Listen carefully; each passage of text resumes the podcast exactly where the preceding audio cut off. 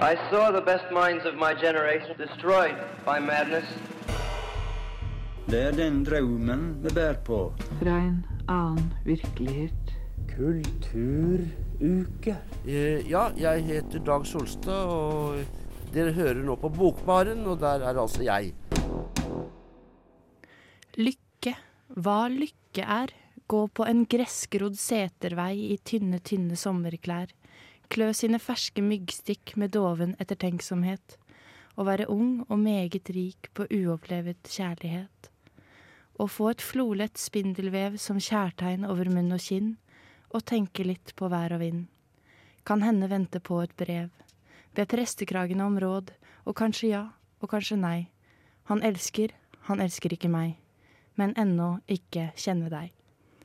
Det var Inger Hagerup sitt dikt 'Lykke' fra samlingen Videre, utgitt i 1945. Og velkommen til Bokbarn. I dag snakker vi om eh, lyrikk. Og eh, i studio så er det meg, Ingeborg, og jeg har med meg Meg, Magnus. Og meg, Marte. Ja, og vi håper du har satt deg godt til rette på denne søndags ettermiddagen. For lyrikk, da toner jo det litt ned, så det kanskje passer eh, bra hvis du har vært seint oppe, eller sånne ting. Har du det, Ingeborg? Eh, ja. Ja. Eh, så derfor så er det akkurat eh, Inger Hagerup som eh, passer meg perfekt i dag. Og Nydelig bare- opplesning, vil jeg si. faktisk. Mm, det var behagelig å stå her på siden av. Også. Ja, så hyggelig å høre. Mm. Nei, så vi håper at eh, du som hører på har lyst til å være med oss videre. Vi skal ha besøk i studio i dag, og vi skal lese opp noen flere av våre eh, favorittdikt, og snakke litt om bl.a. Instagram-poesi. Eh, så bare hør på oss videre hvis det høres interessant ut. Bla om til neste side når du hører denne lyden. Eller skru på radioen din og sett på Bokbarn, da. God lytt. Ja, og vi hører jo at, eh, håper jo at du hører på oss i Bokbarn eh, nå. Og vi skal snakke om lyrikk i dag, men eh, hva er egentlig lyrikk? For eh, personlig hadde jeg ikke hørt det ordet før jeg begynte på litteraturvitenskap. Hva med dere? Jeg hadde hørt ordet, men eh, liksom lyrikk, poesi, dikt eh, Det blandes jo inn i hverandre. Men Ja, tenkte mer på poesi enn lyrikk. altså, ja. Min utdannelse angående egentlig alt som har med litteratur å gjøre, stoppet jo på videregående. Ja. Eh, Så jeg har jo bare vært borti diktanalyse på videregående. Ja, men jeg hadde også litt den, eh, det forholdet sånn dikt og poesi, men eh, lyrikk. Og så var jeg sånn hm, jeg skal ha en forelesning om lyrikk, det blir eh, spennende. Men så skjønte jeg jo ganske fort at det er litt sånn kjært barn mange navn, og at lyrikk faktisk hadde ganske mye med både dikt og poesi å gjøre. For lyrikk er en av disse tre hovedsjangerne innen litteratur som stammer fra antikken.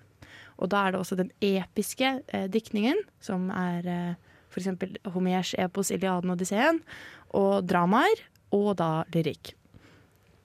Og begrepet lyrikk kommer fra det greske ordet lyra, som betyr en lyre.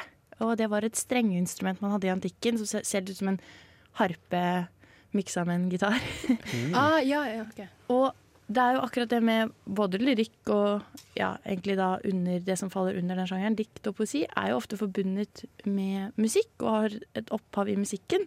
Og selv om man kanskje ikke eh, spiller til alle eh, diktene man framfører lenger, så er det jo en form for takt og tone og en rytme som stammer da fra at det har et musikalsk opphav. Men det har forsvunnet mer og mer etter hvert, eller? Det er bare at eh, sjangeren var jo begynte som noe veldig strengt og regler, eh, og da var det alltid framført til lyre, eh, lyremusikk, altså denne harpen. Men det er jo over eh, 2000 år siden denne sjangeren oppsto, så det har på en måte, begrepet har utvida seg, og derfor så har det også blitt måte, mer av forskjellige ting. Og da kan man jo si at det har blitt mindre musikk, fordi det har kommet til ting som ikke nødvendigvis krever at det er musikalsk, da. Ja, for Jeg husker bare den når Bob Dylan vant eh, Nobel, Nobels litteraturpris for noen år siden, så følte jeg det var en diskusjon. Eh, Det var iallfall Det var litt sånn radikalt nesten at en pop- eh, eller en eh, visesanger, eller hva man skal kalle Bob Dylan, vant litteraturprisen. Fordi det, det er på en måte gått i to ulike retninger, da, musikk og litteratur. Men eh, så er det jo interessant at det egentlig har akkurat samme opphav, og bare vokst litt fra hverandre, kanskje. Ja, og man kan jo si at eh, sangtekster går under det her begrepet lyrikk, sammen med poesi og dikt. Og som jeg sa, så etter som tradisjonen har utvikla seg, så har det kommet til nye ting. F.eks. spoken word, eller eh, sånn type slam-poesi. Eh, så man vil jo Eller sånn Man kan jo se på absolutt sangskriving som diktning. Ja, jeg, jeg, jeg tror jo det er egentlig det, den typen eh, lyrikk som flest folk har et forhold til. Sant? Det er jo sangtekster, og det er jo de Hvis man ser på det som dikt, så er det jo ofte de som er, størst, er mest forankra i kulturen vår, er diverse sangtekster. Ja. Det gir jo veldig mening, for jeg føler mye av den eh, i hvert fall moderne eh, dikt som jeg har lest, har en måte form og måte som måte, Jeg ville ikke kalt det nødvendigvis lyrikk. Eller vet ikke, jeg, jeg har ikke på en måte det forholdet jeg, Når jeg tenker på dikt og lyrikk, så tenker jeg gjerne rim, og det skal være liksom En struktur, en liksom. struktur på det, og så Mm. er det mye av det veldig ustrukturert. Så det gir jo mening at Bob Dylan plutselig kan bli litteratur.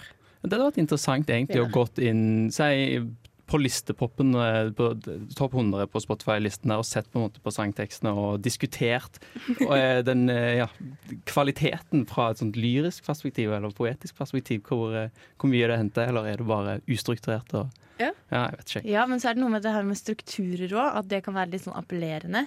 Så jeg har hørt at det på en måte finnes sånne oppskrifter på hvordan lage en god låt. Du må ha med det og det og det, og så og så mange på en måte stavelser, eh, så lange vers, så lange refreng. Ja, ja. Og, Og- ja, ja. gjentagelser og liksom alt det som skal få deg til å huske ting. Så på en måte det er sikkert en formel for det som kan gjøre at sangen blir veldig populær, men er det på en måte Har det en lyrisk verdi, da? Altså, ha, eller er det bare på en måte listepop? Ja. Som på en måte Ja.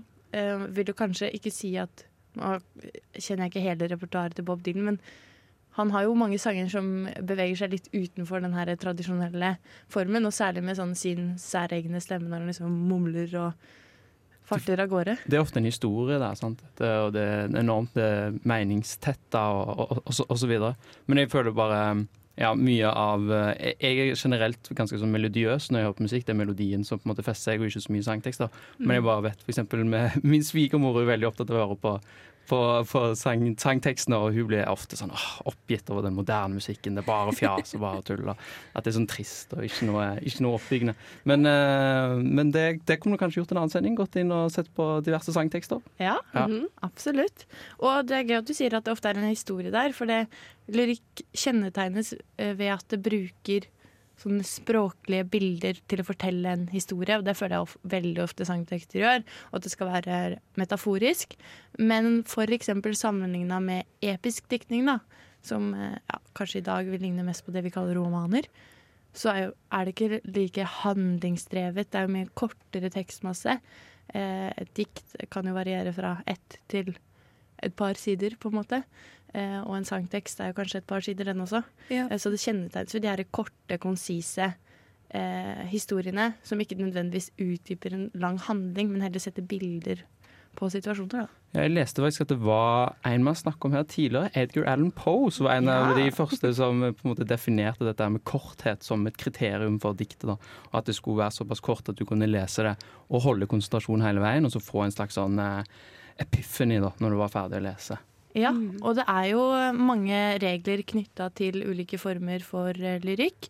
Og det skal vi gå litt eh, nærmere inn på etter vi har hørt en låt. Eh, ja, jeg heter Dag Solstad, og dere hører nå på Bokbaren, og der er altså jeg. Ja, det stemmer. Dere hører på Bokbaren, og her er eh, vi. Ingeborg, Magnus og Marte, og vi snakker om lyrikk.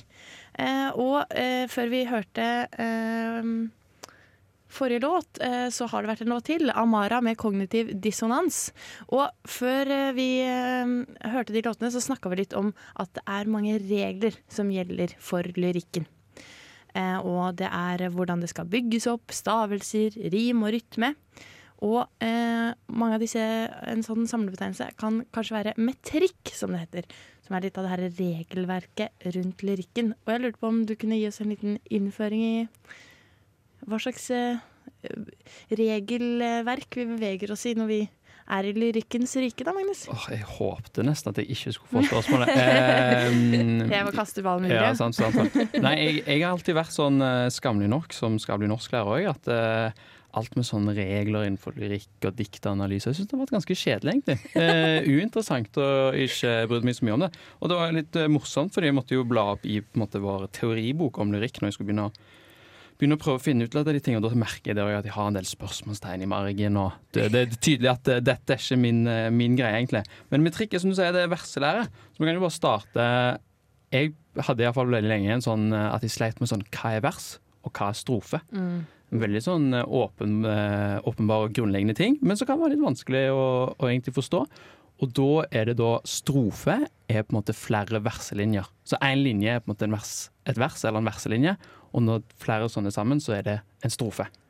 Og det, i hvert fall for meg så var det alltid litt sånn vanskelig å, å plukke opp, for jeg tenkte alltid vers. Det så jeg for meg som strofe. Fordi i musikken sant, så er man på en måte vant med at et vers er en En tekstbolke ja, sant, er en er et vers. Så det er litt sånn forvirrende. Så det kan vi bare få på plass med det første. så hver linje er et vers. Ja, eller en verselinje. En verselinje OK. Og flere verselinjer sammen er da en strofe. Ok. Ja.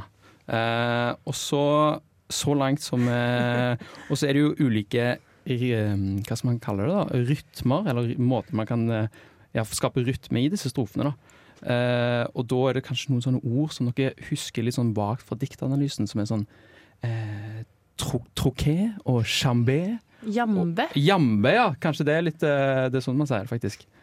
Det er bra jeg blir plukket opp på dette før jeg skal ut i klasserommet og, og si dette. Ja, Men, bedre eh, å drite seg på radioen. det er bedre Foran en på radioen. Ja, sant vel. Eh, og det er da innenfor det som vi kaller aksentuerende metrikk. Det er altså hvordan man legger, ja, fancy ord er fancy ord. Hvordan man legger trykket. Eh, det er det det handler om. Eh, jambe, eller trope. Det er om det er en tung stavelse eller en lett stavelse. Eh, eller en lett stavelse og så en tung stavelse. Det er mange ulike mønster på dette. her da. Og det, det, det virker på en måte sånn, ah, litt sånn komplekst og vanskelig, men det har jo ganske mye å si for hvordan man leser et dikt. Så bare veldig enkelt, så er da en troke, eller en troke, det er altså en tung stavelse etterfulgt av en lett stavelse. Og en jambe er en lett stavelse etterfulgt av en tung stavelse. Har Eh. du, har du et eksempel? Ah, om jeg har et eksempel, sant? Eh, godt spørsmål. Jo, det de bruker her, det er fola fola blakken. Det er jo noe alle har forhold til. Eie. Så da er det fola, fola blakken. Så da er det, det trykk på FO. Så det er på en måte tung stavelse, og så lett stavelse. Fola.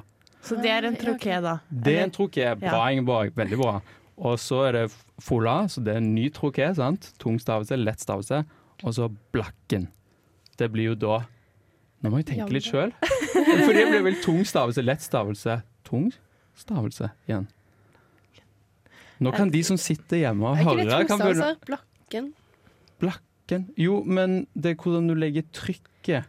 Så det blir Jo, OK, nå eh, Jeg ville sagt lett tung, eh, jambe, men eh, det er, veld, tung, ja. det er veldig sånn sterke Eller sånn harde konsonanter. Eh, så derfor er det litt sånn Ja, Det, det litt høres tungt. liksom tungt ut uansett. Eller Jeg sånn ser fasiten her. Fasiten er faktisk det òg. en troké. En troké.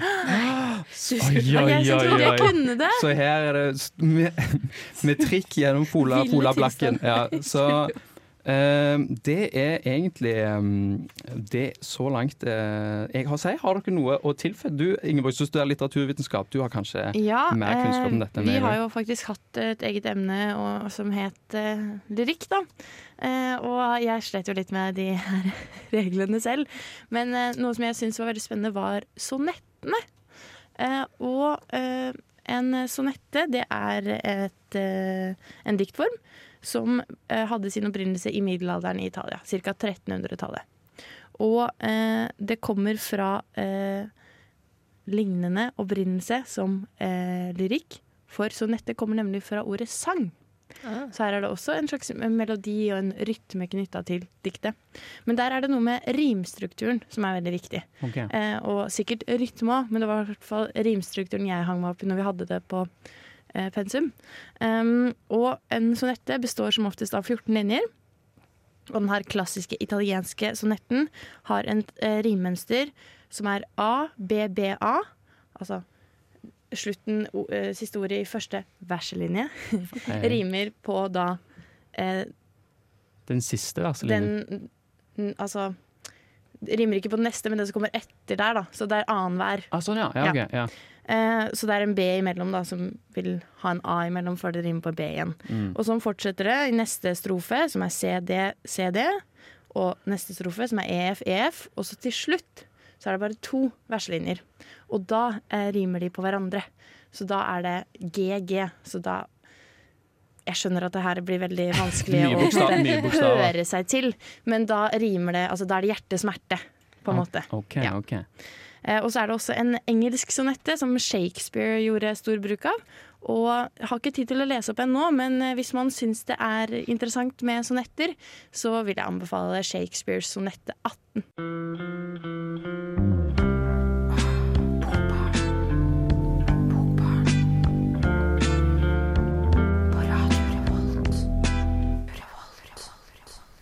Ja, velkommen tilbake til Bokbarn på Radio Revolt. Eh, du hørte låta eh, 'London' av Pish. Eh, og nå har vi fått besøk i studio her, fornemt besøk, av en ekte lyriker. Eh, Stine Fuglås eh, Bonsaksen, velkommen hit. Tusen takk for det. Det veldig kjekt. Du er eh, stipendiat ved NTNU, men du har også gitt ut en diktsamling som heter 'Habituell abort', som kom nå i 2022. Det stemmer. Hvor lenge har den vært ute, egentlig? Eh, Den kom ut 25. eh, januar, Wow. så det er veldig nytt. Mindre enn en uke siden. Ja. Wow. Forrige tirsdag. Stas. Mm, veldig, veldig stas. Det er fortsatt veldig rart å bli omtalt som lyriker. Ja. Og hun var her først på Bokbarn. Ja. Eh, vi som tar opp de aktuelle forfatterne. Eh, nei, det er veldig stas for oss. Eh, men eh, vi lurer litt, som, litt på hvordan er det å ha gitt ut en eh, diktsamling? Er det noe du har drevet med lenge, det her med å dikte, eller er det Eh, Jeg har jo skrevet veldig, veldig lenge. Jeg har jo skrevet siden jeg var tenåring. eh, Men det er ikke noe jeg har snakka om. Eh, Jeg har ikke fortalt det til noen, egentlig. Um, Før jeg begynte å skrive denne boka, da, så visste ikke engang mannen min at jeg, at jeg skrev. Oi! Eh, wow. Så det var jo litt sånn her uh, spesielt. Er det er noe med å være fra en liten plass. Mm. Uh, og du er hun der med rød eh, korpsdelbukse som er litt, flink, litt for flink på skolen. da vil ikke du være hun som skriver dikt i tillegg. Nei. Nei. Nei, det er Eh, janteloven, det der. ja, eh, så det er egentlig noe jeg har holdt for meg sjøl. Men måtte du da snike deg sånn eh, inn på Hadde du et lite kott der du satt og skrev dikt, eller var det bare sånn Hvordan funka det? Nei sånn da. praktisk? Eh, Jeg bare skrev eh, hjemme på rommet mitt. Ja, Ja. ok. Men sånn som du sier at du er fra et lite bygd, hvor, hvor er du fra? Jeg er fra en plass som heter Hellesylt på Sunnmøre. Okay. Som er på en måte nabobygda til Geiranger. Ja, Eh, Kanskje det mest kjente referansepunktet. Jeg vet ikke hvor det er, dessverre. Men, uh, men Det er Fjord- Fjord-Norge på sitt vakreste. Ja. Ja. Jeg har vært i Geiranger, så jeg kan skrive under på at det var veldig, det var veldig fint. ja. Mm. Men uh, når du liksom uh, skulle kom du og sa fra til mannen din at hei, du, nå har jeg skrevet diktsamling. Nei, og det var, har ikke, det var ikke helt sånn. Altså. Det var ikke det. Eh, men jeg fortalte til mannen min at jeg skrev her for et par år siden. Og jeg, når jeg sto midt i et veldig sånn her, ja, en vanskelig periode av livet mitt, så skrev jeg veldig mye. Og da endte jeg opp med å fortelle det til han. Eh, og da fant han et sånn her skrivekurs til meg, noe, kanskje en uke seinere. Okay. Eh, så bare, dette syns jeg du skal gå på, jeg syns du skal gjøre noe med denne skrivinga. Eh, og på det skrivekurset så møtte jeg han som da eh, hjalp meg eh, med å ta diktene mine til, å- til å bli et manus og til å bli ei bok. da. Ja, ja, men Ja. det er jo viktig å ha støtte i en sånn prosess. Og som du sier, sånn Ja, man blir liksom stempla som den der som skiller seg ut, eller eh, de, de røde korpsfløyelsbuksene. Da er det veldig fint å ha en støttespiller, på en måte. Ja, det var egentlig altså det var veldig tilfeldig og veldig flaks. Um, Håvard Nilsen heter han for øvrig, han er også en trondheimsforfatter som holdt dette kurset. da. Eh, og så sa han sånn at ja, dere må bare sende inn dikt til meg hvis dere vil. Eh, og så tenkte jeg nå skal jeg, nå skal jeg være modig, nå skal jeg gjøre det. Og så gjorde jeg det, og så likte han veldig godt det jeg skrev. Og så sa han Stine, du, dette må jo bli en bok. Ja, fordi du skriver, eh, som jeg har skjønt det, litt eh, selvbiografisk. Ja, det er veldig selvbiografisk, egentlig. Mm. Og hvordan har det vært Og på en måte som du, Det virker jo kanskje som du har brukt det som en form for terapi for å Eh, absolutt. opp, komme gjennom situasjonene, men det er jo også skummelt å da skulle dele det her med resten av verden, kanskje? Eller? Ja, det føles ut som om folk sitter der ute og, og leser dagboka mi, liksom. Eh, absolutt. Så det er på veldig mange måter utrolig skummelt. Det skjønner jeg veldig godt. Ja. Og det var faktisk, eh, Jeg skrev eh, bare liksom noen tanker når jeg hadde lest boken, og da var det en av tingene jeg tenkte på at jeg, jeg følte virkelig jeg ble kjent med det gjennom denne boken. Da. Så, og det, men det er viser jo kvaliteten òg. Jeg kom, følte virkelig kom på innsiden. Men så er jo diktene òg De er jo nesten litt sånn prosaktige i stilen, en del av det iallfall. Skrev du alltid dikt, eller har det på en måte alltid vært det, eller har du skrevet andre ting òg? Eh, jeg skriver jo, altså jeg lever jo av å skrive som stipendiat. Eh, det gjør jeg jo. Um, Så det er jo eh, faglig. Men ja, Samlaget kaller det jo ei prosadiktbok, så det er jo det er jo en del prosa. Men grunnen til at det kom inn, var nok mer at jeg, jeg gikk jo ja, Jeg gikk jo da gjennom en, en hel rekke med spontanaborter. Eh, og jeg satte meg veldig inn i medisinen i det. Følte liksom at det, at det hjalp meg litt på et eller annet vis å, å forstå. Eh, for det var jo noe jeg ikke kunne noen ting om. Og det var så mye som skjedde med meg, med kroppen min, som jeg bare aldri hadde hørt om. Um, så jeg syns oss burde vite litt mer om det. Det er såpass vanlig eh, at jeg syns det er rart at vi ikke kan noe sånn at vi ikke kan mer om det, da. Ja, bare ordet habituell abort, det visste ikke jeg eh, hva betydde når jeg plukket opp boken. Eh, Hva betyr det, hvis du skal forklare det? En habituell, ab- eller en habituell abort finnes jo ikke. Men Nei. habituell abort det er når du har hatt tre abort, eh, spontanaborter på rad uten fødsel mellom. Da Mm. får du den diagnosen, på en måte. Uh, og da blir du da undersøkt, uh, for, eller du har rett på utgreiing, da. uh, for å finne ut om det er noe gale med det. Noe som de kan fikse, da. Ok. Oi. Så da, ja, da er du på en måte inne i systemet, og da får du, da får du hjelp og Ja. sånn? Er Ja, ok. God, Det er korrekt. eh, får du, er det bra oppfølging da, eller hvordan eh, Eh, ja, eh, det er jo for så vidt det. Ja. Altså, jeg vil understreke at vi har et av de aller beste helsevesenene i hele verden. Eh, og det er så masse fine folk. Men som, som kvinne som spontanaborterer, så er det liksom ja, Det er en sånn vanlig ting. Det skjer jo med mellom 13 og 20 tror jeg, av alle kjente svangerskap. Uh, så det, og det er ikke noe helsevesenet kan gjøre med det. Stort sett. I hvert fall skjer det tidlig, så, så er det ingenting de kan gjøre. Så, og det er litt sånn Ja. Du blir møtt som at dette her er noe sånn dagligdags som bare, som, som bare skjer, som de ikke kan gjøre noe med. Ja. Um, Ja, det er jo veldig traumatisk, da. ja, for det som står oppi det, så er det jo utrolig traumatisk. Og uh, ikke nødvendigvis, men for veldig mange, vil jeg tro. Så det er stor sorg. eh, og det er noe veldig dramatisk og alvorlig som skjer med kroppen din. Ja, jeg føler sånn- du at, å, beklager, men føler du at denne boken her, og det å skrive den og på en måte gi ut, ut hadde, måte, hadde hjulpet litt den å seg gjennom de følelsene? Absolutt. Det var jo sånn jeg begynte med å skrive den. Det var jo bare for min egen del. eh, bare for å bearbeide det jeg gikk gjennom. Eh, ikke med tanke på at noen andre skulle lese det.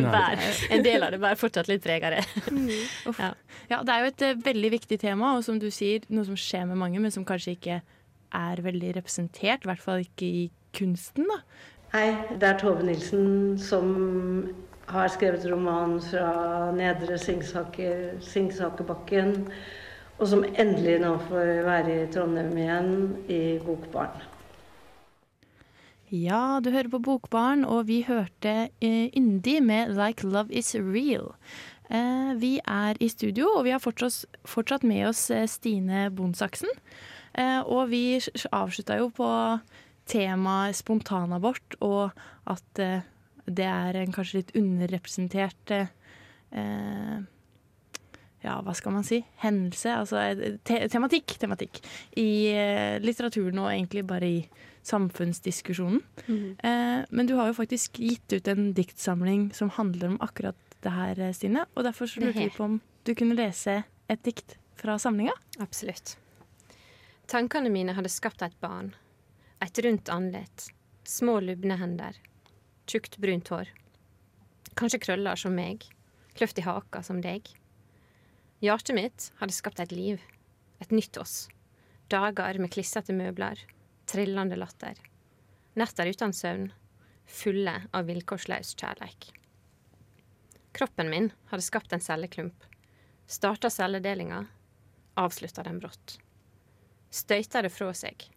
Slimete spor av ufullenda liv, som kjem ut sammen med blodet. Det er mektig, eller det er eh, Det er tung materie, og det er veldig materie. det, det, det er jo flere sånne dikt i en samling som er sånn ah, det, det, det vrir seg i magen når man leser det. Og jeg hadde flere opplevelser når jeg leste samlingen òg. At det var sånn Jeg var kanskje på Det er jo dikt på begge sider, da, så, så leser jeg på venstre side, og så og så har jeg ikke lyst til å begynne å lese på høyre side, for jeg vet at det kommer til å gjøre vondt. Jeg vet at det kommer til å svi. Nei, det var flere ganger. Og det, og det, det er jo selvfølgelig vondt, men det viser at det er veldig kvalitet. Og det var sånn driv i hele samlingen òg. Sånn, men det handler jo om det at åh, man vet på en måte at det kommer noe ubehagelig, men man må på en måte, man blir sånn tunge til å lese videre. Det, nei, det var skikkelig, det var en meddrivende diktsamling, og det, det var første gang jeg, Jeg har vært oppe på lenge, så det var veldig spennende. Og så fikk vi jo Jeg ble veldig rørt nå når vi hørte på sang, for jeg får ikke vite da at eh, historien iallfall endte veldig, veldig fint. Det gjorde den. Jeg fikk en sønn i fjor, i mars. Så en en liten, herlig type som heter Johannes. Det er Så, fantastisk. så min historie endte veldig godt. Ja, er ja, Historia til hun i boka den er, er jo ganske åpen. Ja. Eh, så den ender på en måte med, med håp. Eh, men den er åpen. Men min historie endte, endte veldig godt. Endte med Ja. liv. Den endte med liv, Ja. med trillende latter og klissete møbler. Møblene mine er absolutt klissete. Og veldig eh, tidlige morgener fikk vi også høre her. Absolutt. Kvart på fem, da er det dag. Ja. Jeg fikk jo høre en annen rørende historie mellom låtene, og eh, det var så flott at vi har lyst til å dele med resten av lytterne til Bokbarn. Og det var jo når du fortalte Vi var jo inne på det litt tidligere i sendinga, at du holdt det hemmelig lenge, at du skrev, men at den første personen du delte det med, var moren din. Ja, Eh, og om du kunne fortelle den eh, historien. Det kan jeg gjøre, vet du. Eh, når jeg sto midt i, i disse her abortene og midt i sorga, så var jeg hjemme med mamma på Sunnmøre. Eh, og vi satt i, i boblebadet, uh, delte en flaske vin og snakka død og fordervelse. Eh, det var jo det var der jeg var på det tidspunktet. Eh, og det endte jeg opp med å fortelle henne at, at, at jeg skrev dikt. da. At jeg, holdt på, at jeg skrev masse om dagen. Uh, og da tynga hun meg til å deklamere et dikt, og jeg syntes det var helt forferdelig flaut. Uh, men med litt, inna, litt vin innabords så gikk jo det greit. Uh, og da begynte hun mamma å strigrine da jeg leste det diktet. Eh, og da tenkte jeg sånn Oi, kanskje, kanskje det er noe her. Så da for jeg hjem og så fortalte jeg til mannen min at jeg, at jeg skriver. Eh, og derifra så, så balla det på seg, og så endte det i bok. Kan vi få høre diktet? Det kan dere. Jeg syr meg sjøl sammen, med nål og tråd. Saumen blir stygg, men han held. Ja, igjen, det er uh, tung materie, men veldig vakkert. Og jeg, altså, det rører jo noe i oss som kun kjenner deg som på en måte forfatteren av denne boka, men selvfølgelig moren din som eh, har et så nært forhold til deg som Mm. eh, hennes datter. Det, må jo, det er ikke rart at eh, hun hadde den reaksjonen hun hadde, tenker jeg. Ja, wow. Og så dikt var på en måte litt den, eh, den nålen, da. Det, sant? det var det, er litt sånn, du, det var et verktøy for å sy deg sammen på, på et vis. Det var absolutt det. Og det var den, denne boka begynte egentlig med det diktet der. Jeg husker det det datt inn i hodet på meg på bussen på veien til Dragvoll. Eh, der jeg tenkte sånn Uff, jeg, jeg, kan ikke, jeg kan ikke ha det sånn her. Jeg må, jeg må, jeg må fikse meg sjøl. Dette, dette går ikke. Jeg må, jeg må sy meg sjøl sammen. Uh, og da kom det diktet, og, og derifra starta boka, egentlig. Er det flere av diktene som er skrevet på bussen til Dragvoll? Du, det er veldig mange av dem, ja. faktisk. Noen treere, da. Det, det, de der, jeg vet ikke, det er etter når man sitter på bussen og hører på musikk og bare tømmer hodet. Da, da bruker det å dette litt uh, ting nedi hodet på meg. Ja, jeg sykler ikke daglig. Nei, jeg tar ikke bussen daglig, men det er som du sier, det er en sånn rytme der, og ja, det er noe nydelig med å ta bussen opp der. Og du har jo et eget Dragvoll-dikt uh, Du, oppi her òg.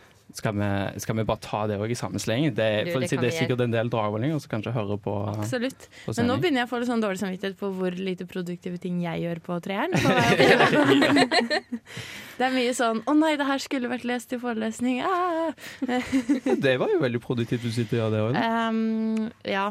eh, En sjelden gang. En sjelden gang, ja. Skal vi kjøre, kjøre Dragvoll-dikt? Vi forelska oss i gangene på Dragvoll. Under glasstaket som lek hver gang det regner. Demonstrerer drivhuseffekten hver gang sola skinner. Over tjukke pensumbøker om integrasjonsteori, politisk åtferd, europeisk historie. Over sterk kaffe på Sito. Overkokt pasta i kantina. Salt lakris fra storkiosken. Vi klinte i skjul utenfor lesesalen i bygg 2, bygg 12 holdt hender under pulten, medan foreleseren messa om Rousseaus sosiale kontrakt. Så på hverandre i sidesynet gjennom gruppetimene i 6B. Du var han høye mørke med skjegg, han som alltid så meg, som liksom tilfeldig la armen rundt meg i gata. Han som fikk meg til å le, til å vise gamle arr, til å drømme om framtida, til å komme hardere enn jeg trodde var mulig. Dragvoll har aldri vært så romantisk. Ja, Dragvoll, altså. Du lo litt gjenkjennelig, så jeg. Det, Martha. Overkokt pasta og sterk kaffe. Å, ja, gud a meg. Dragball, ass. Ja. Det, det er noe eget. Men apropos det, hvordan, hvordan, hvordan er den overgangen mellom Du sa du skriver jo på Dragvoll til vanlig som Det- eh, historiker, og så gå inn i rollen som lyriker. Er det, er det vanskelig måte å legge fra seg den der historiske pennen og gå over til på en måte det mer kunstneriske? Du, Jeg syns det er utrolig deilig å ikke måtte kildeføre. Ja. Det er fantastisk. Ja. Ah, det beste. um, nei, men det er veldig mange ting som jeg, som jeg har fra jobben min, som jeg på en måte har gjort dette lettere. Eh, Jeg, jeg lever jo av å skrive, så jeg, jeg tror nok at det har noe å si. Og ikke minst den her erfaringa med å få tilbakemelding på tekst, tror jeg er veldig viktig. Eh, og det å liksom ikke ta, ikke ta det personlig. Ikke bli fornærma om noen eh, kritiserer noe du har skrevet, eller eh, Så den, det tror jeg har hjulpet meg masse når jeg har jobba med, med redaktør. Eh, Det har for øvrig vært fantastisk å jobbe med Samlaget. Ja, for det tenkte jeg faktisk på siden, som jeg sa når jeg leste den, så var det veldig sånn driv i, i historien. At det var nesten et slags sånn narrativ hvor man blir veldig dratt med. Så jeg tenkte på det om det var en stor jobb, det samarbeidet med redaktør, og, og på en måte få til den gode den formen som dere har fått til. da, og og hvordan diktene satt opp, og var det stor jobb å sette alt sammen til slutt, eller på en måte bare glei det helt naturlig? Ah, det blir nesten litt vanskelig å svare på. Ja. Eh, Den, den, altså, den romanstilen, på en måte, den, det hadde nok manuset fra før av. Eh, Men redaktøren min i Samløket, eh, Maren Ingeborg eh, forresten, eh, eh, hun er helt nydelig. Eh, Hun hjulpet meg veldig å, å, å flytte på ting og, og få ut liksom, potensialet i hvert dikt, for der er jo det er ganske mange som er blitt endra på små måter, som bare har gjort det mye sterkere og mye bedre. Og ikke minst ta ut ting som, som, eh, som senker ned, ned farta, da, eller tar vekk brodden, på en måte. Um, Vi skulle Mm. gjerne snakka mye lenger med deg, Stine, men eh, vi har nå så mye tid som vi har. Men eh, før vi avslutter, så lurte vi på om du hadde et eh, lesetips? Eller om du har noen favorittforfatter som har inspirert ja. deg? Eh, og det er alltid et veldig veldig vanskelig, eh, vanskelig spørsmål. Eh, når det gjelder lyrikk, eh, så er jo jeg eh, veldig veldig glad i Hallis Moen Vesaas. Hun er jo fantastisk. Av litt nyere så anbefaler jeg Gro Dale. Utrolig fine dikt. Og ikke minst Karianne By. Jeg vet ikke om dere har hørt om henne. Eh, hun er også ganske ny uh, samlageforfatter. Har skrevet to fantastiske diktsamlinger. Eh, jeg bor her nå, og jeg er før jeg kommer. Um, hun er også trondheimsforfatter, så hun burde jo, burde jo være med her. Okay. Ja, Eh, absolutt. så det anbefaler jeg dere å, å lese begge diktsamlingene hennes, egentlig. Hun, eh, hun skriver utrolig eh, morsomt, eh, underfundig og, og klokt, altså, om, om kjærleik og, eh, og forhold. Og, ja. Ja, men eh, Så flott. Da har vi fått masse gode lesetips. Tusen takk for at du kom, Stine. Og så må vi også anbefale habituell abort da, til eh, alle lytterne. Tusen Og- takk for at jeg fikk komme. Det var kjekt. Velkommen tilbake.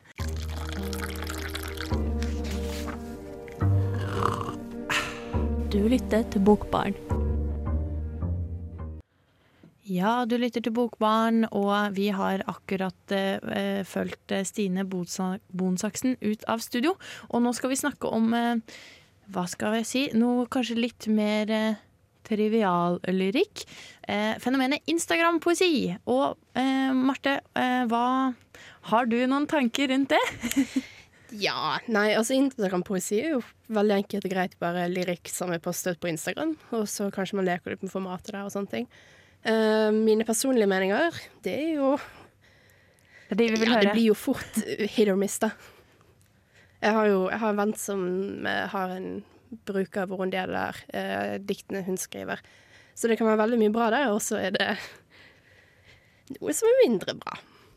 Kan Ja. vi vel si.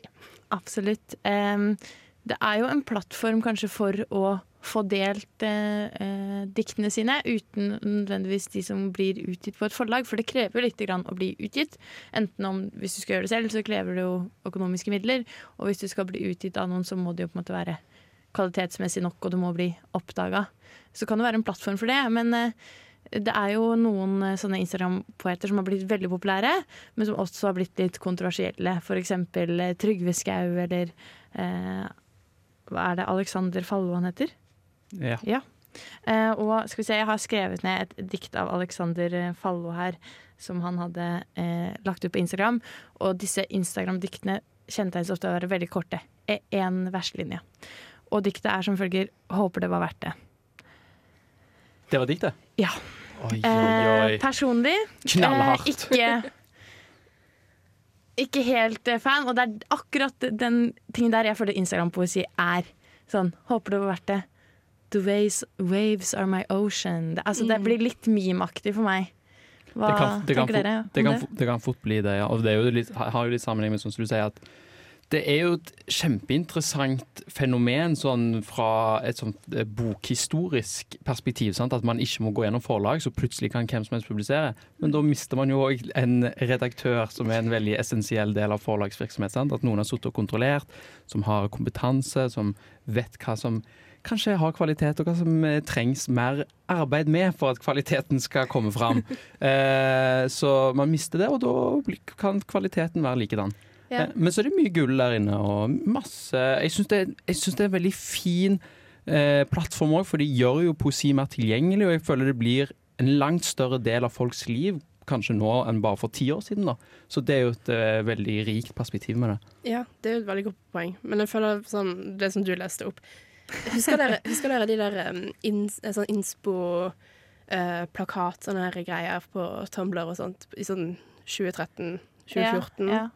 Nei, så, så hipp var jeg ikke i 2013-2014. Nei, OK, men Ingeborg husker kanskje det. Jeg føler dette blir fort litt sånn. Litt Ja. sånn ehm, eh, Ja. Uh, tekst med en fin solnedgang i bakgrunnen.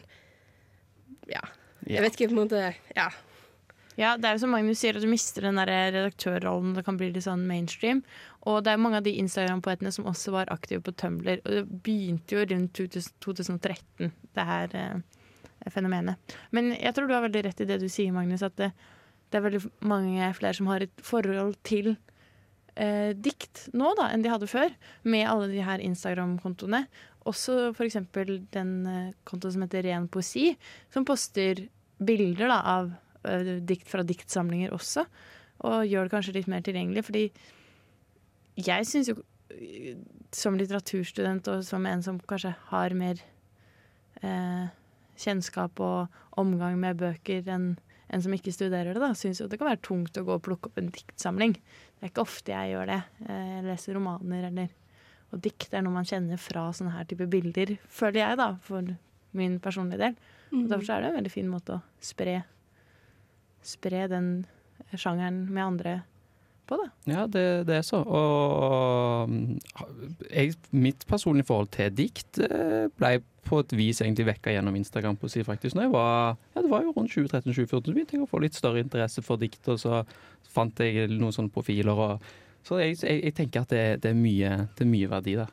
Ja, Har Mm. du noen gang vurdert å bli Instagram på et selv, eller? Sykt nok, faktisk. Jeg har faktisk eh, gjort det, og jeg har til og med lagd et navn. hadde Jeg Jeg, jeg opprettet den aldri, men den skulle hete Dråper poesi. Det var liksom navnet. Oi. Og så, så kan du skrive sånn eh, inni den der eh, liten sånn forklaringsboks, hvis du skjønner hva jeg mener på Instagram. Bion, ja. Bion er det det heter. Stemmer. Eh, der, sant, det heter dråpepoesi, og så der skulle det stå Renner nedover vindusglasset jeg ser livet gjennom. Oi. Oi, oi, oi. Så hvis det er noen Instagram-poeter der ute, stjel i vei. Bare stjel dette fantastiske ideen min. Hvordan er det der diktet? Dråpen henger der ikke, eller? Ja, det er Jan Erik Vold, eller? Ja, ja. Ja, det Var, det sikkert- en inspirasjonskilde? Jo, det var, det var nok eh, ikke, ikke bevisst Nei, det var ikke, jeg vet ikke om det var noen inspirasjonskilde der. Nei. Var Men eh, en eh, annen eh, av disse Instagram-poetene som faktisk har gjort det veldig godt kommersielt, er uh, Rupi Kaur. Og hun er det kanskje flere som har hørt om. Hun begynte i 2013 som Instagram-poet, og fikk veldig stor uh, følgerskare. Uh, og utga uh, diktsamlinga 'Milk and Honey' i 2015. Eh, og den har solgt over eh, tre millioner eksemplarer. Men hun er fortsatt veldig kritisert for å være en sånn mainstream, enkel, banal forfatter. Eh, og derfor så tenkte jeg at vi skulle ha en liten quiz, hvor vi eh, leker Rupi or Bot. Og prinsippet er at jeg leser opp et dikt, og så skal dere gjette om det er Rupi sitt eller eh, AI som har skrevet det. Eh, og for å gi dere et lite referansepunkt, så skal jeg lese et Rupi-dikt først, da. Så dere kan kjenne igjen hennes stil. Our backs tell stories no books have the spine to carry. OK. OK. OK, og eh, da skal vi spille her.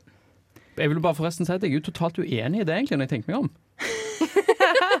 er ikke det hele poenget med litteratur? At det skal kunne formidle selv det mest utsigelige som fins, på en måte. Det tyngste og det verste. og det som ikke kan ses på noen som helst annen måte. Jo, det var kanskje det. Ja, Um, OK, skeptisk allerede. er dere klare? There is beauty rooted so deep within you, uh, you can't help but see it everywhere. Rupee or bot? Ruby. Ruby. Rupee? Nei, det tar jeg AI. OK. Uh, det var riktig til Magnus! Ja da! Ja da. 1-0. She was a rose in the hands of those who had no intention of keeping her. Rupee or bot? Jeg går for Ruby.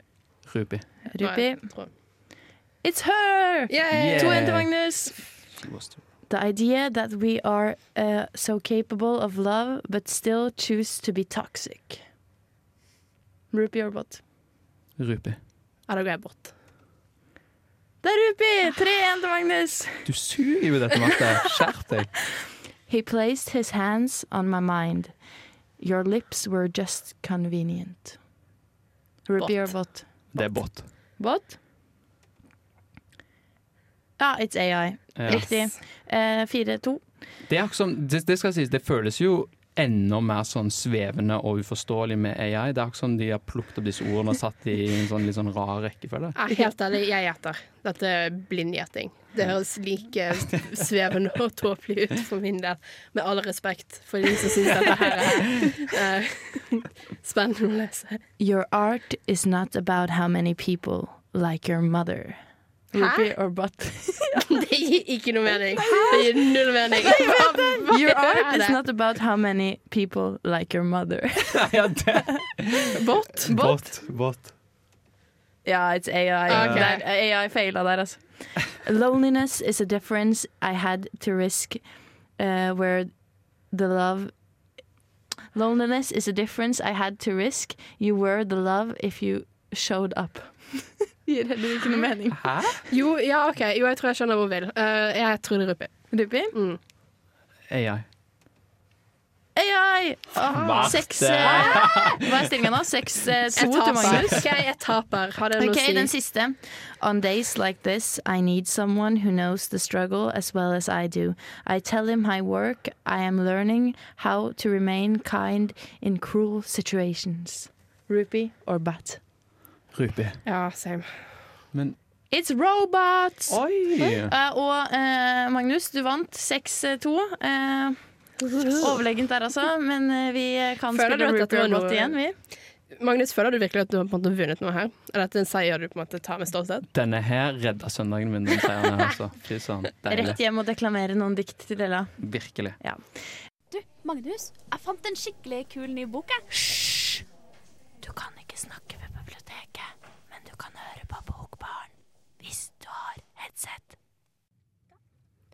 Because I could not stop for death.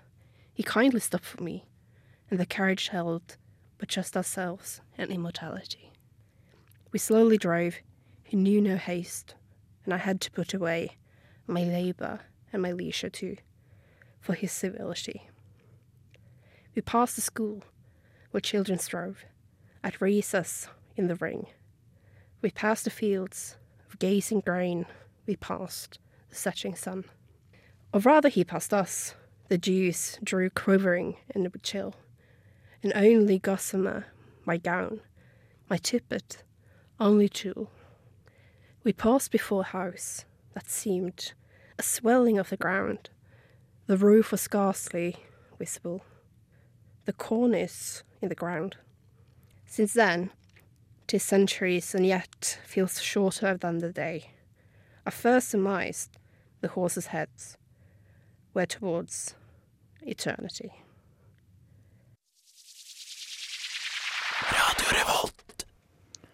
Wow, det var jo eh, Emily Dickinsons eh, dikt. Um, Nydelig innlest av Marte. Nei, det, ja, okay. 712 heter det diktet.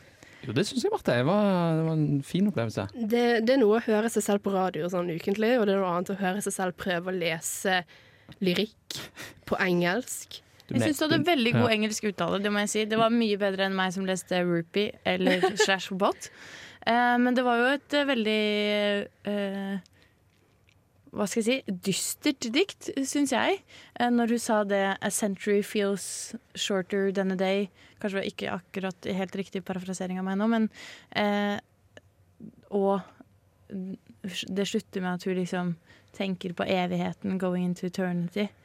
Det er jo noe dystert og noe gloomy her. Ja, altså hun åpner jo opp, liksom. Jeg kunne ikke stoppe for døden. Det er liksom ikke Du, du legger jo ikke opp for en på en måte optimistisk smash av noe selv. Men um, nei, det er noe veldig vakkert i det. Um, jeg føler på en måte hun klarer å Jeg vet ikke, legge opp til liksom, en tro- vet jeg det, litt refleksjon rundt livet på en veldig fin måte. Var det du liksom- som hadde valgt dette diktet, Marte? Eh, Nei, dette var Helle. Helle Helle. er syk. Ja. Og hun er ikke her for å forsvare sitt valg. Nei, men uh, jeg er veldig enig i valget. Jeg syns det var veldig vakkert at hun på måte Det virker som en på en måte liten reise, en siste hurra, på en måte, før hun går inn i den evigheten hun snakker om.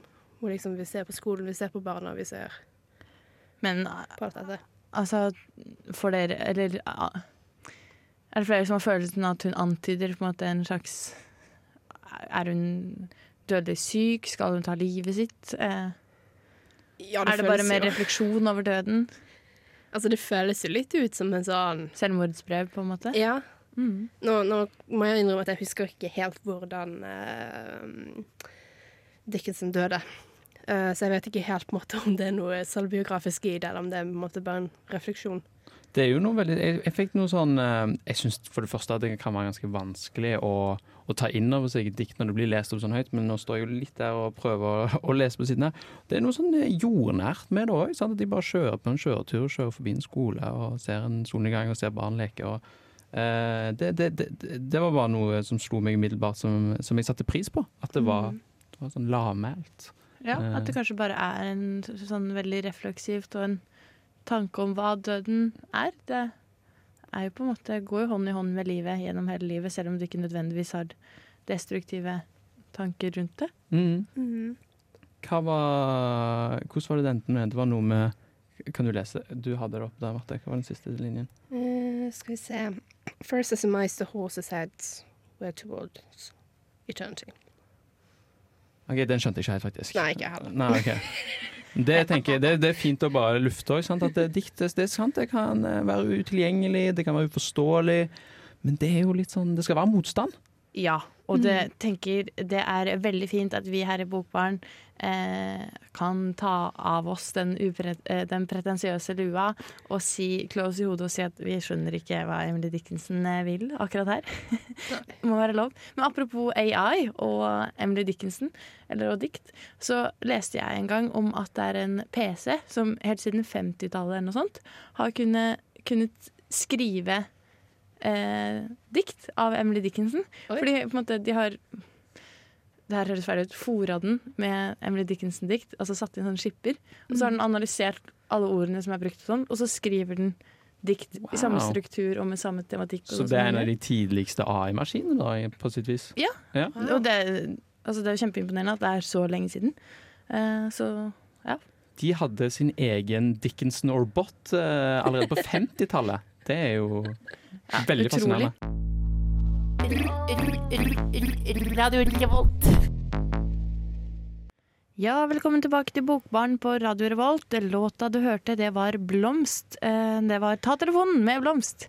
Og før det så hørte vi eh, Solefall med rapport fra grasrota, og det er da en tonsetning av et Hans Børli-dikt som heter Rapport fra grasrota. Og shout-out til stefaren til Mina i- Ja, stefaren til Mina i Filmofil, som er eh, bandet som har tonsatt den låta. Mm. Veldig kult. Eh, vi skal eh, fortsette med å høre hva Marte og Helle har kosa seg med i studio, når de har drevet med litt diktinnlesning her. Ja. Eh, og vi skal høre det kjente diktet fra Arne Følva Øverland, 'Du må ikke sove'. Og her er det ganske fri regi, så god lytt. Jeg våknet en natt av en underlig drøm. Det var som en stemme talte til meg. Fjern som en underjordisk strøm, og jeg reiste meg opp. Hva er det du vil meg? Du må ikke sove. Du må ikke sove. Du må ikke tro at du bare har drømt. I går ble jeg dømt. I natt har de reist skafottet i gården. De henter meg klokken fem i morgen. Hele kjelleren her er full, og alle kaserner har kjeller ved kjeller. Vi ligger og venter i steinkalde celler. Vi ligger og råtner i mørke hull. Vi vet ikke selv hva vi ligger og venter. Og hvem kan bli det neste de henter? Vi stønner, vi skriker, men kan dere høre? Kan dere absolutt ingenting gjøre? Ingen får se oss, ingen får vite hva det skal skje oss. Enda mer, ingen kan tro hva her daglig skjer. Du mener det kan ikke være sant? Så onde kan da mennesker ikke være. Der finnes det vel skikkelig folk iblant? Venn, du har enda meget å lære. Man sa du skal gi ditt liv om det kreves, og nå har vi gitt det forgjeves, forgjeves. Verden har glemt oss, vi er bedratt. Du må ikke sove mer i natt. Du må ikke gå til ditt kjøpmannskap og tenke på hva der gir vinning og tap. Du må ikke skylde på åker og fe, og at du har mer enn nok med det. Du må ikke sitte trygt i ditt hjem og si det er sørgelig, stakkars dem. Du må ikke tåle så inderlig vel den urett som ikke rammer deg selv. Jeg roper med siste pust av min stemme. Du har ikke lov til å gå der og glemme. Tilgi dem ikke, de vet hva de gjør. De puster på hatets og ondskapens glør. De liker å drepe, de frydes ved jammer. De ønsker å se vår verden i flammer. De ønsker å drukne oss alle i blod. Tror du det ikke? Du vet det jo! Du vet jo at skolebarn er soldater som stimer med sang over torg og gater, oppglødd av mødrenes fromme svik, vil verge sitt land og vil gå i krig. Du kjenner det nedrige folkebedrag, med heltemot og med tro og ære. Du vet at en helt, det vil barnet være. Du vet han vil vifte med sabel og flagg. Og så skal han ut i en skur av stål og henge igjen i en piggtrådvase og råtne for Hitlers ariske rase. Du vet, det er menneskets mening og mål. Jeg skjønte det ikke. Nå er det for sent. Min dom er rettferdig, min straff er fortjent. Jeg trodde på fremgang, jeg trodde på fred, på arbeid, på samhold, på kjærlighet. Men de som ikke vil dø i en flokk, kan prøve alene på bøddelens blokk.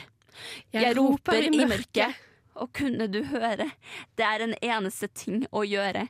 Verg deg mens du har frie hender. Frels dine barn, Europa brenner! Jeg skakket uavfrost, jeg fikk på meg klær. Ute var glitrende stjernevær. Bare en ulmende stripe i øst varslet det samme som drømmens røst. Dagen bakom jordens rand steg med et skjær av blod og brann. Steg med en angst så åndeløs at det var som selve stjernene frøs. Jeg tenkte, nå er det noe som hender. Vår tid er forbi. Europa brenner.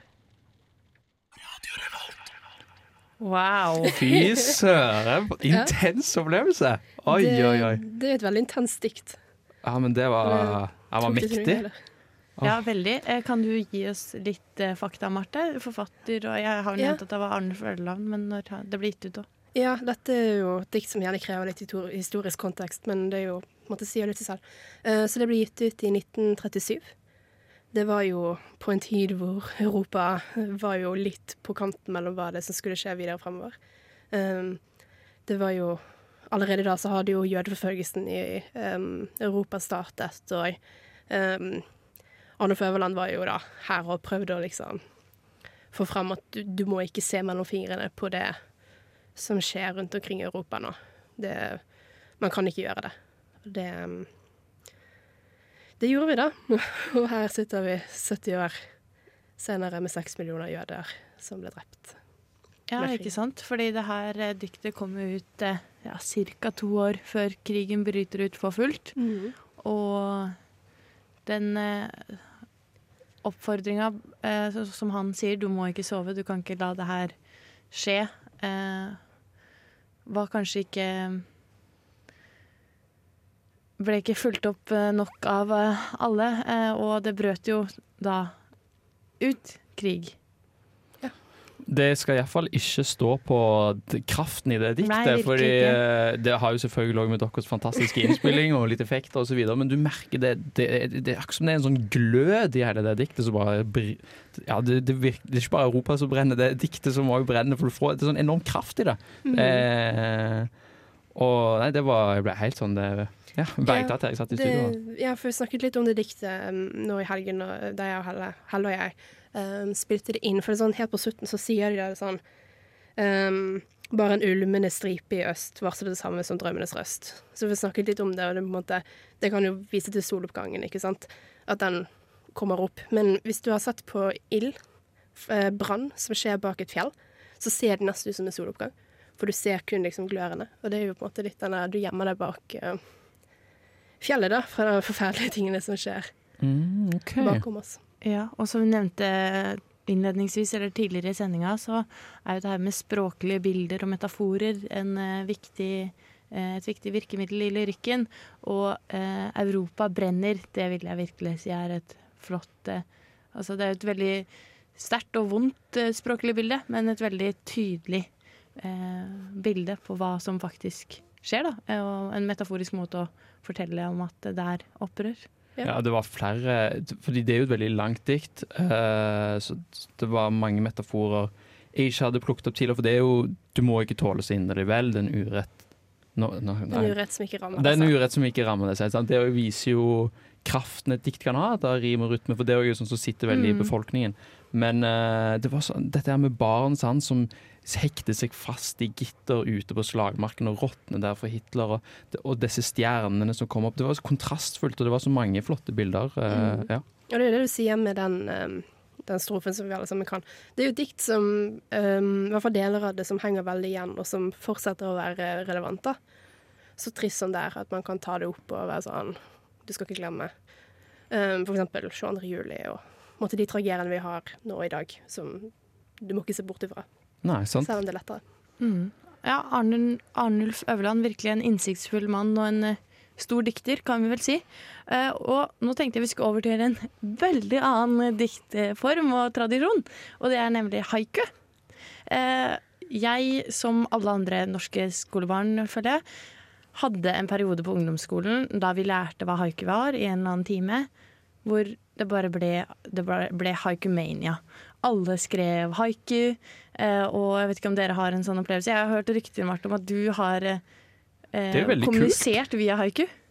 Jeg ikke så mye kommunisert, men jeg husker at eh, på videregående så hadde jeg en uh, mattelærer som var Han levde litt sin egen verden, og det gikk utover timene. Så vi hadde mye tid for oss selv, og da uh, skrev jeg haiku. Som fremtidig norsklærer høres det der haikumania helt uh, crazy ut. Jeg har aldri opplevd noe sånn i, i min barndom, men uh, for et flott fenomen. Få det tilbake igjen. Ja, nei, bare fordi vi lærte om det, og så er det jo en ganske sånn enkel struktur. Og derfor så tenkte jeg at uh, siden du ikke, Magnus, har fått oppleve det, at uh, jeg skal gi dere en liten konkurranse, en liten utfordring her. For eh, haiku, det er, er et trelinje... verse Det står av tre verselinjer. Og hver linje skal ha Den første skal ha fem stavelser, den andre skal ha syv, og den siste skal ha fem. Så fem, syv, fem er eh, oppbygningsstrukturen. Og tradisjonelt sett så har det ofte ett tema, og det har ofte i japansk historie da vært eh, årstidene. Og jeg tenkte da at deres tema eh, Dere får da to låter på å komponere dette diktet, og så skal vi lese det opp eh, i, eh, etter vi har hørt låtene. Og deres tema det er tatt fra Trondheim i dag, og det er rett og slett snø. Okay. Så da eh, skal vi høre en låt, og så skal dere få lov til å skru på de kreative Her tenker jeg tenker Martha har eh, god sjanse på revansj fra Reaper Bot, Hot, fordi ja, okay. jeg er elendig på sånn som dette her. Ja, men men, det jeg, jeg blir da dommeren. Eh, men vi skal høre Klossmajor vi med 'Snakkes i baren' mens dere komponerer dikt. This is Alan Moore, and you're listening to The Book Bar. Ja, vi er tilbake i Bokbaren, og det har blitt eh, komponert noen eh, haikus eh, mens vi har hørt låt her. Eh, og den forrige låta vi hørte, det var eh, 'Snirkelsong' av Sondre Ferstad. OK, eh, da er jeg og tekniker Sara klare for å høre låtene deres her. Nei, låtene, haikuene. Eh, så Marte først. Oi, OK. Snø som regner vekk. Temperatur går opp og ned. Marte sklir på is. En gang til. Det var imponerende. Herlighet. OK, det nivået. Snø som regner vekk. Temperatur går opp og ned. Marte sklir på is. Wow, vakkert. Ja, det var elegant. Ja, virkelig. Not my first time on the radio. OK. ok. Ja da. OK, Magnus. Yes. Eh, stavelser og sånn, det er jeg ganske dårlig på. Så vi får se. Jeg Du blir den beste norsklæreren. Jeg vet. Jeg har så gode forutsetninger for det. Um, kalde, våte sko. Grå og skitten Trondheimslaps. Jeg spør hvilken snø? Ja. Oi. Eh, poetisk åpen slutt der. Spørsmål. Egentlig var det et skikkelig agg. Jævla Trondheim som bare gir oss slaps. Og det, det, var- det Ja. skjant litt, eh, litt gjennom hos deg. Jeg føler det er mye hat overfor været. Ja, hvor er snøen egentlig? Det er jo bare drittsnø. Gi meg Hallo, dere er fra de liksom, mest slapse stedene i Norge. Nei, Hallo. for- nei, det, det, det er ikke sant. det er fair. Men Det er ikke sant. Når, eh, når har du noen gang kunnet kjøre spark i Stavanger? Nei, men det er ikke snø over hodet. Den er oppe på fjellet. Her er den fram og tilbake. Vi Hele har veien mye bestemt slaps. seg. Ok. Ja, Ja. Bergen er jo mer dritt enn Stavanger. oi! Ok, vi skal ikke gå inn på det. Ok, vi skal gå inn på det. Um, ok, skal vi eh, stemme? Skal vi redegjøre for Jeg syns begge diktene var veldig gode, så jeg syns det er vanskelig å velge uh, et favorittdikt. Men det er ikke bare for å være diplomatisk heller. Men uh, Marte, det blir min stemme. Hva sier du? Det blir Marte her òg. OK, vi har en vinner, eh, og vi må vel publisere dette Nei, diktet det som eh, caption på Instagram-innlegget vårt. Så hvis du vil høre det en gang til, så får du enten eh, høre oss på podkast, eller så får du gå på Instagram eh, og lese Marte sitt haiku der. Ja, nydelig. Ja. Eh, altså, du, har blitt, du blir jo en Instagram-poet. Ja, jeg kan lage litt sånn fin font, um, kanskje en liten sånn illustrasjon, og så kan vi poste sånn Instagram-poesi. Altså, Ja. Snart har du solgt tre millioner eksemplarer bøker av diktsamlinga di. Jeg skal lage et imperium bygget på haiku. Dårlig skrevet haiku. Ja. Og, og jeg fant ut at det var eh, Helle som pleide å kommunisere i haiku. For eh, Helle, som ikke er her i dag, da, eh, pleide å skrive meldinger i haikuform. Det, det er er, jo avansert. Ja. Det er avansert. Tålmodighet. Men sendinga begynner å gå mot eh, slutten, så vi trenger jo noen eh, lesetips, eh, faktisk, vi, før vi skal gi oss for dagen. Og mitt lesetips i dag, det er et eh, lyttetips. Og det er eh, Jan Erik Vold. Han har tonsatt Eller han har vel ikke tonsatt, men han har lest mange dikt til musikk. Og han har en innlesning av diktet 'Dødsfuge'. Uh, originalt av Pål Land, som er helt nydelig. Og det ligger på Spotify. Har dere noen uh, lese- eller lyttetips?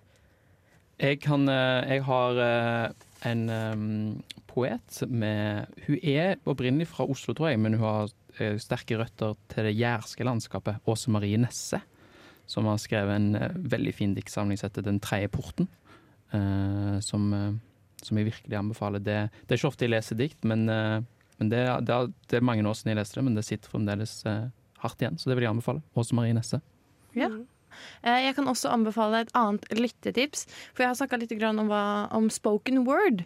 Eh, og eh, Fredrik Høyer og Bendik Baksås det er en duo med en musiker og en poet som har framfører da spoken word. Og Det er veldig stilig, og de har nylig hatt et, i hvert fall eh, Fredrik Høyer, hatt et samarbeid med nummer fire. Så hvis man liker nummer fire, så kan man jo gå inn og høre på noen av de låtene hvor eh, Bendik Baks Nei, Fredrik Høyer er med. Det ligger på Spotify, det Det ligger på Spotify, det òg, eller hvor enn man hører på musikk. Da vet jeg hvor, ja, Spotify. Kanskje vi ikke skal snakke om det disse tider. Men da vet jeg hva jeg skal høre på på veien hjem. i hvert fall. Ja. Begge de to tingene. Det høres eh, veldig spennende ut. Har du et lesetips på slutten, Marte? Uh, jeg, har ikke, jeg er ikke så veldig dypt inne i poesiens verden, men jeg satte pris på Emily Dickinson, så jeg syns det var veldig fint. Og uh, vi leste også, og jeg husker ikke navnet på han, uh, men Byens metafysikk. Han har skrevet Ja, også, Rolf Jacobsen. Rolf Jacobsen. Han har også skrevet Autobahn. Det er mye bra diktning der. Litt sånn modernistisk stil. Som Ja. er kult. Veldig enig med det. Kan stille meg bak Rolf Jacobsen som lesetips. Men da håper vi at dere har en eh, god søndag videre, og så skal vi avslutte med låta uh, Dare Pass, I've Seen The Apocalypse and I Wanna Go Home av Emilie Nicolas.